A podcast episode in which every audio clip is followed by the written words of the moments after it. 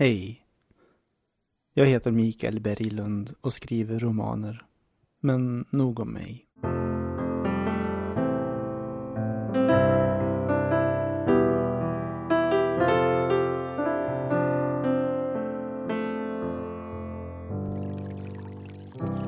Vattnet har faktiskt sjunkit undan ordentligt fast ängsladorna fortfarande vadar och vissa nya små kärnar har nyklippt gräs till botten. Högfjällen runt byn är dock zebraspräckliga. Håller hettan i sig kan det fortfarande bli vårflod i år. Våren så sen att vajorna kalvade nere i skogslandet. Enkla dagsturer uppåt fjället ska tydligen inte störa dem. Däremot kan det vara svårgått av smält, halvsmält och helt osmält gammsnö över lederna. Skidbacken är dagsida och kruttorr, svajar i ångorna. Det blir väl kutandes dit upp i mildrande sol som myggen hälsar välkommen och det var alldeles för länge sedan och håller inte på säkerhetsavstånden. Det står i ett manus att Oskar ska kunna se Kajsats där uppifrån. Men det kan ju ha växt igen av vide och björkskog. Det är inte lätt att veta. Ett romanmanus är inte samma sak som en bok. Det krävs två för att dansa tango. Och hur nu den här kavaljeren har övat och svidat och står nervöst och fingrar på fingrarna blir det bara någon dans om förlaget säger att okej då, den här dansen, men förvänta dig inget mer. Men att just den här kavaljeren gick till logen när alla andra träffas på puben och att här är det mörkt och ensamt och luktar torkad bok och sprucken dröm. Nåväl. Han spanar mot fjället med telefonen mot örat, Oskar, i manuset som inte är en bok. Låter myggen äta vad de kommer åt. Precis den här tiden på året, precis här, om så för tolv år sedan och heter Lillfjället precis norr om Kjulträsk? Det låter som ett flicknamn, säger han. Till sitt livs kärlek. Som han träffat en gång åtta år tidigare. Hon säger Kajsac. Och så är de väl på ett sätt färdiga med varandra. Oskar är i manuset. Han står där uppe nu och tittar och lyssnar på den andras andetag.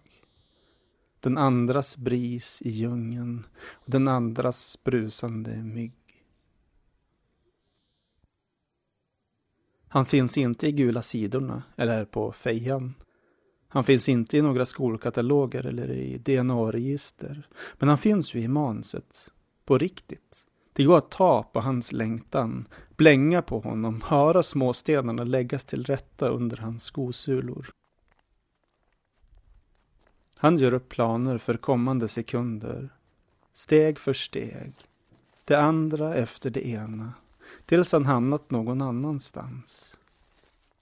Skulle vi bry oss om hans verkande senor under klättringen nerför skidbacken.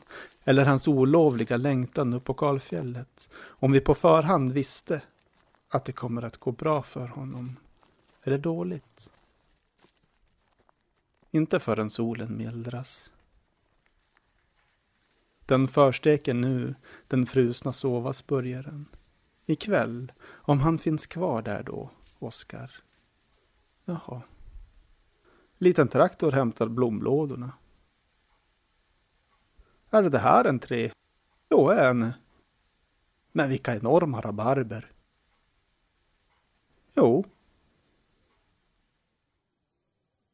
Sammanlagt tre medresenärer idag, från Umeå till Ammarnäs.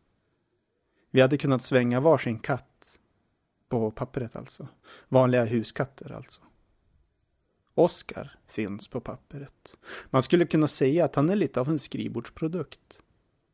Ungefär som man kan säga att ens kompis är ett stolpskott. Det är bättre att inte göra det. Enklare då att ta dem på riktigt allvar. Lyssna ordentligt. Titta två gånger. Även ett stolpskott kan gå i mål. eller istället för danskavaljer, att du håller sexåringens hand. Att ni båda kniper lika hårt i förskolekön. Men andra barn får gå före. Och bekymrade ögonen upp genom ögonbrynen. Att ska inte jag också? Och det finns bara dåliga svar. De andra barnen får gå före dig, lillvännen. Det är inte du som är dålig. Du vet, det är tillgång och efterfrågan. Och nu är lärarna mer intresserade av... Ibland ställer du lite konstiga frågor.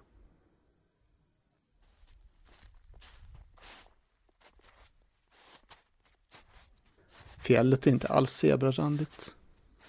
En zebra skulle teckna sig klart och tydligt mot snöns böljande, outgrundliga mönster. Det är problemet med metaforer. Att ju mer exakt den är, desto mindre säger den. Bara en zebra är precis som en zebra.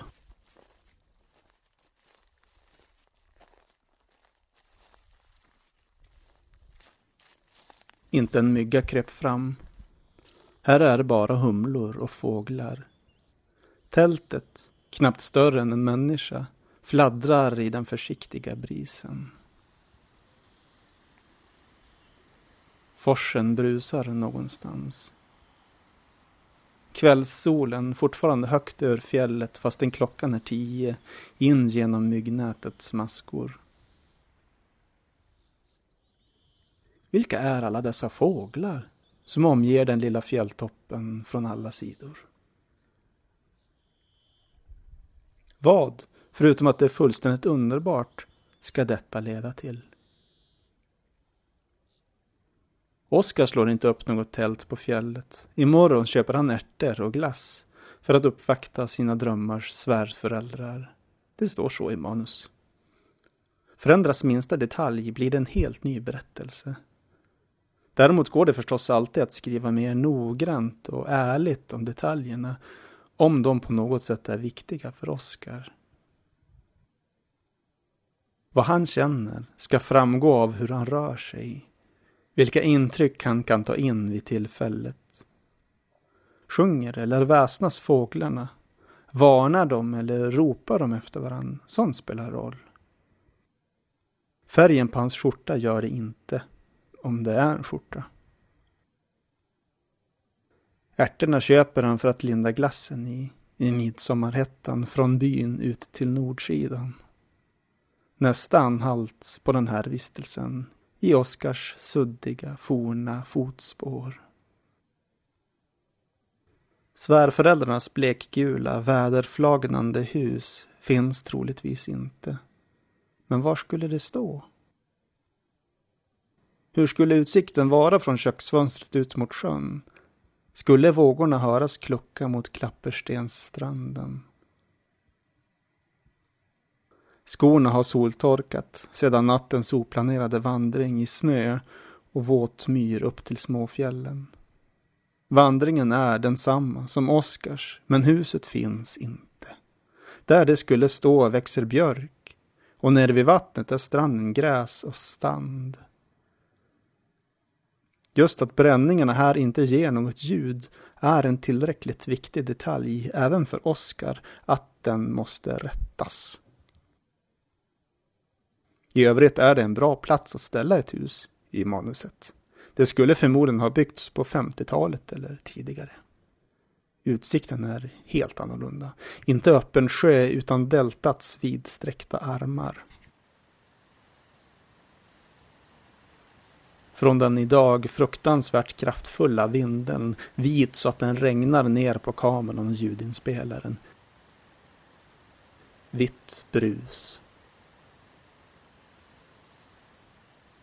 Och så ängsladorna där ute på deltats armar. Dussintals, inte alls under vatten. Det måste bli med. Ta plats i berättelsen och breda ut sig. Oskar skulle inte inte vara förstummad av utsikten om han har sitt livs kärlek för ögonen eller ej.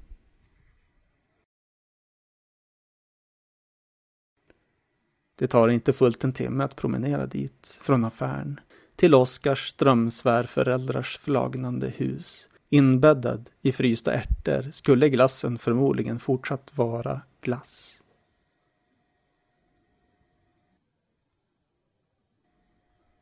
Samma kväll tar han ett barn med upp till kalvningslandet. Med lite eftertanke och framförallt erfarenhet är det självklart att de cyklar så långt det är möjligt. Det är en dryg mil grusväg innan det är någon mening att vandra. Lite eftertanke och framförallt erfarenhet. En timme efter deras spår, Oskars och åttaåringens, står en ensam björn. Skogsfarfar, halvt gömd i björkslyn en bit uppför liden. Upptäcker att den inte är ensam och kastar sig om med ett brakande och rasslande efter en sekunds eftertanke och blickbyte.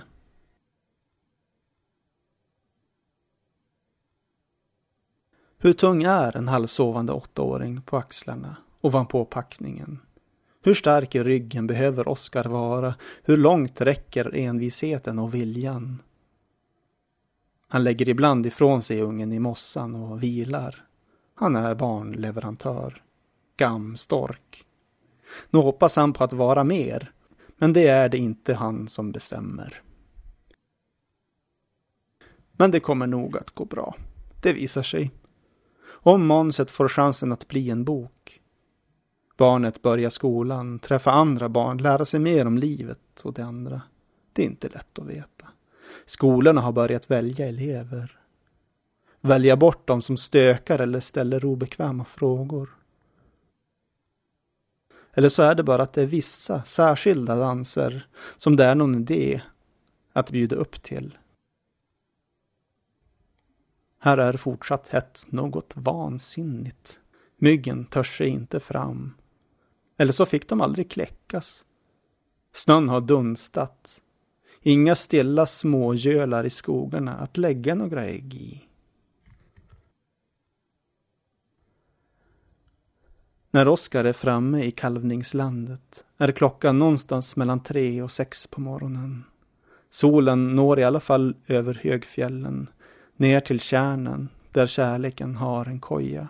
Och han och barnet stupar i knuttimmerskuggan. Kärnen kluckar mot rundstenarna och djungeln brusar. Men det går inte att hålla upp ögon och öron och njuta, bara sova på en plats som troligen finns, om så inte exakt där. Snöfläckar kvar på fjällens nattsidor för vajorna att freda sig för myggen. Eller som den här gången för hettan. Han tyckte att kärleken sa åt honom att vänta. Han har väntat i åtta år. Men kärleken har inget minne av att den sa något sånt till honom. Åtminstone inte på det viset att han faktiskt skulle ha väntat. På vad skulle han ha väntat? Så han går hem igen med famnen tom så att den fryser. Och så här med lite eftertanke och framförallt erfarenhet står cykeln hans där bredvid barnets och väntar Fortfarande ingen djupare ömsesidighet. Det blir fler tillfällen. Vissa saker tar längre tid än andra för att växa. Det blir bara tätare fibrer om det går långsamt. Och sen ruttnar det. Om det visar sig att det faktiskt inte fanns något att vänta på. Någon har grävt två meter och jorden var hela vägen torr. Ingen tjäle i vinter. Fara för grundvattnet. Åarna, sjöarna och älvarna tar allt vatten med bort till kusten. Här knastrar det och pratas om eldningsförbud. Sedan förra veckan har nästan all gamsnön dunstat. Ingen fjällsida är längre i skuggan många timmar på dygnet. Desto mer mygg nu och ljungpiparen som är så lätt att glömma tills man slagit upp sitt tält och bara hittar den ena hörselproppen. Högsta toppen bara rakt fram om tältet var helt vit för fem dagar sedan, säger stugvärden.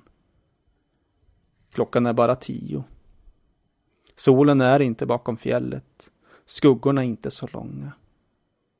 Det är för tidigt att försöka sova, men för skönt att inte gömma sig för myggen, titta på fjället, lyssna på bäcken, trumpetade myggor och just det, ljungpiparen. Som står där alldeles bredvid, i djungeln, och piper. Vill den något? Och redan tre eller fyra är solen ovan Nordfjällen igen och dunstar kondensen från tältet, skrämmer bort myggen, drar ut tältaren ur kokongen. Bara lättkokt. Till morgonkaffet och lite samtal med stugvärden innan korta vandringen till byn. Nästan utmaningsbefriad.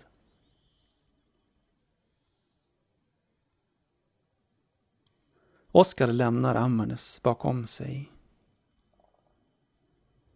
Åren som sommarvikarie på förskolan, barndomen med pappa i fiskkärnorna, kärleken och det där, fjället, Ammarnäs blev för stort. Tornade upp sig som en björn. Han kommer återvända, på pappret, i en just nu fullständigt otänkbar livssituation. Byn kommer inte att påminna om sig. Luften den gången lätt, ömsesidig, smeksam. Om fem minuter går bussen härifrån. Gummibandet mellan Oskar och Ammarnes sträcks så att det knakar och kniper runt bröstet. Men det brister inte. Tretvinnat. Solen för första gången bakom moln. Det är ovanligt enkelt att vända ryggen.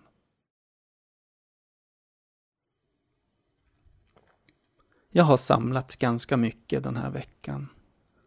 Sådant som går fortare eller långsammare att tugga och att svälja. Somligt har smitit ner i fickor och väck i kläderna eller i järnkorven som jag lär känna först när pennan kommer till manuset. Hej då, Ammarnäs. Hoppas att du får bli till en bok. Att någon vill ha dig och att någon uppskattar något hos dig som jag inte är människa att förstå.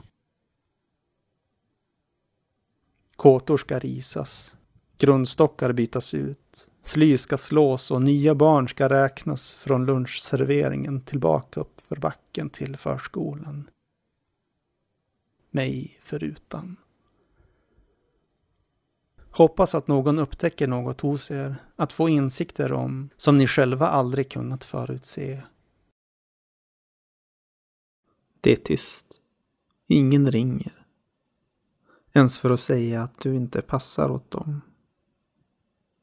Står för lite på spel i din berättelse räcker inte din framtid.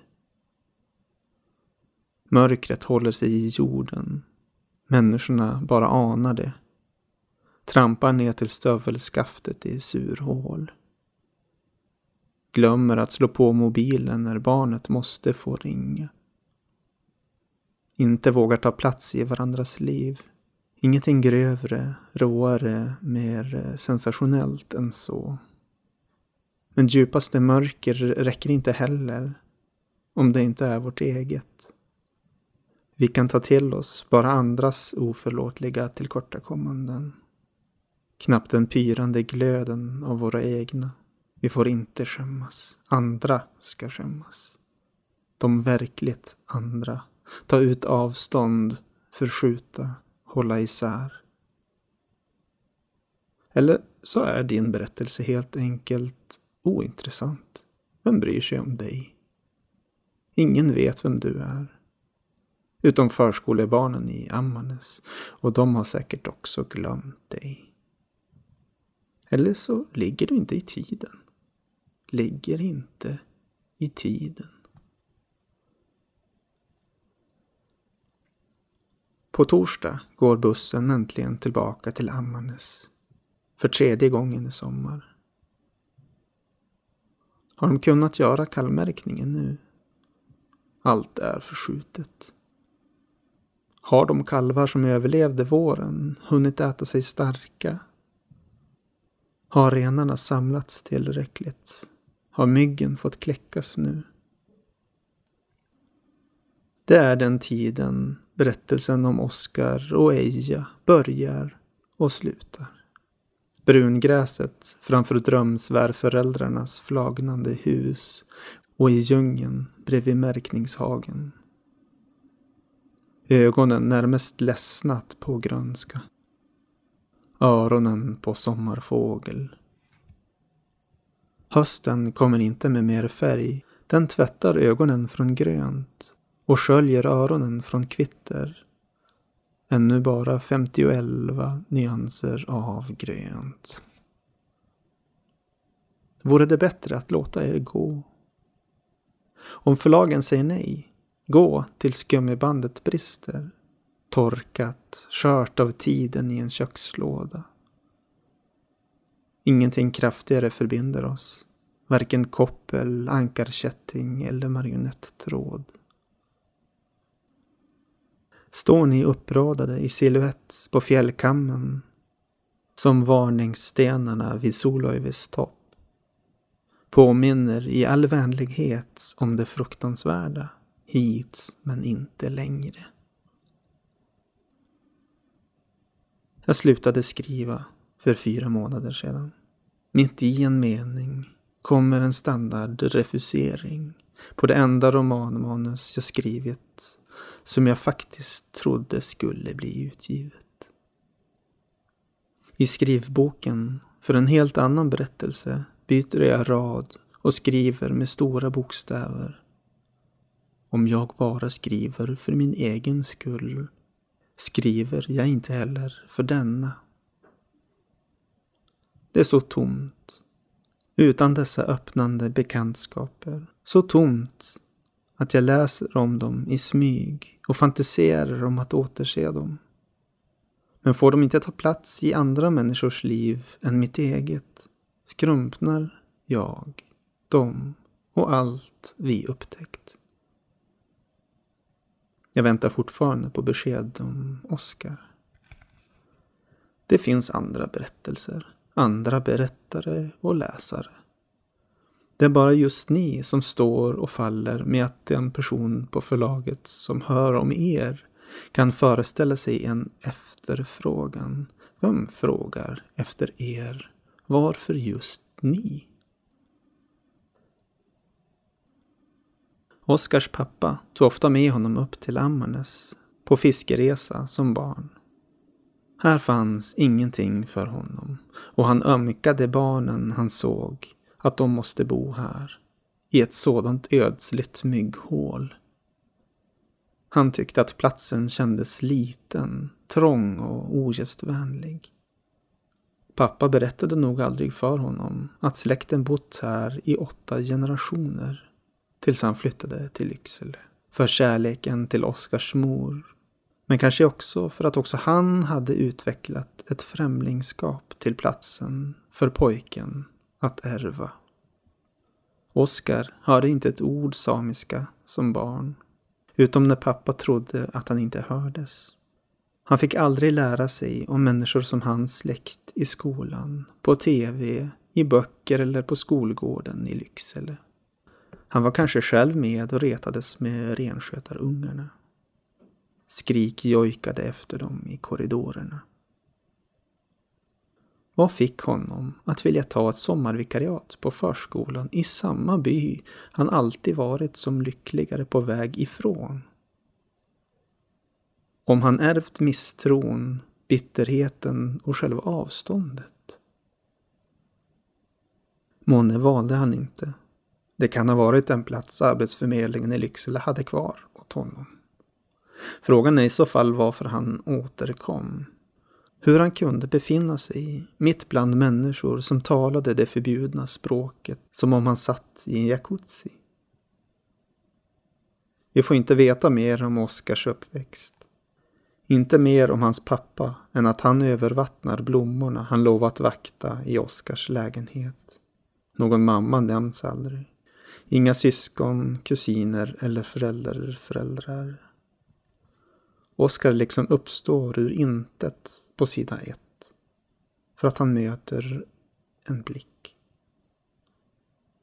Det var inte av avsikt. Det var inte ett misstag. Det var inte ens hans egen blick. Han delade den med en annan. Såg genom en annans ögon. Ett mimetiskt begär. Vi förstår någons värde genom andras uppskattning, lär oss härma längtan. Vi delar den alltid, längtan. Oskars förhistoria är hemlig för läsaren, för mig som skriver om honom, eftersom den är hemlig för honom själv. En sådan maktbalans är inte att leka med. Bara med samma tolkningsföreträde kan vi hjälpas åt att förstå oss själva genom varandra. Det är ingen faktaförmedling. Oskar blir en del av Ammanes blodomlopp. Han har förmodligen alltid kämpat med att ta plats. Eller rättare sagt att erkänna vilken betydelse han har i andra människors liv. Han andas precis som vi, upptar syre, tid och plats som vi. Han kan inte inte ta plats, men han kan lära sig vörda platsen, lägga tillbaka tuvor och stenar, ta oss på allvar, bry sig om hur vi känner oss i hans sällskap. Han kan ta ansvar. Ett av förskolebarnen väntar ner hela släkten från fjället. Så Oskar får stanna med honom tills de kommit hem. Vi träffar dem första gången kring två på natten. I hallen. Full av leriga, bensinluktande arbetskläder, kängor och packning. Släktingarna går in och ut genom den öppna dörren och myggen är överallt. Oskar håller honom i famnen i väntan att pojkens stora syster ska komma. Innan dess vågar han inte sova. Oskar förstår honom, fastän han inte känner henne. Han känner igen längtan och blir kär i hennes frånvaro. Möjligen med lite eftertanke och framförallt sunt förnuft blir han också kär i hennes frånvaro. Det skulle förklara en del. Ingenting vore konstigt med det. När hon till slut kommer har pojken trots allt somnat. Och för några sekunder är Oskar ensam med henne ute på gårdsplanen. Ingenting blir sagt mellan dem.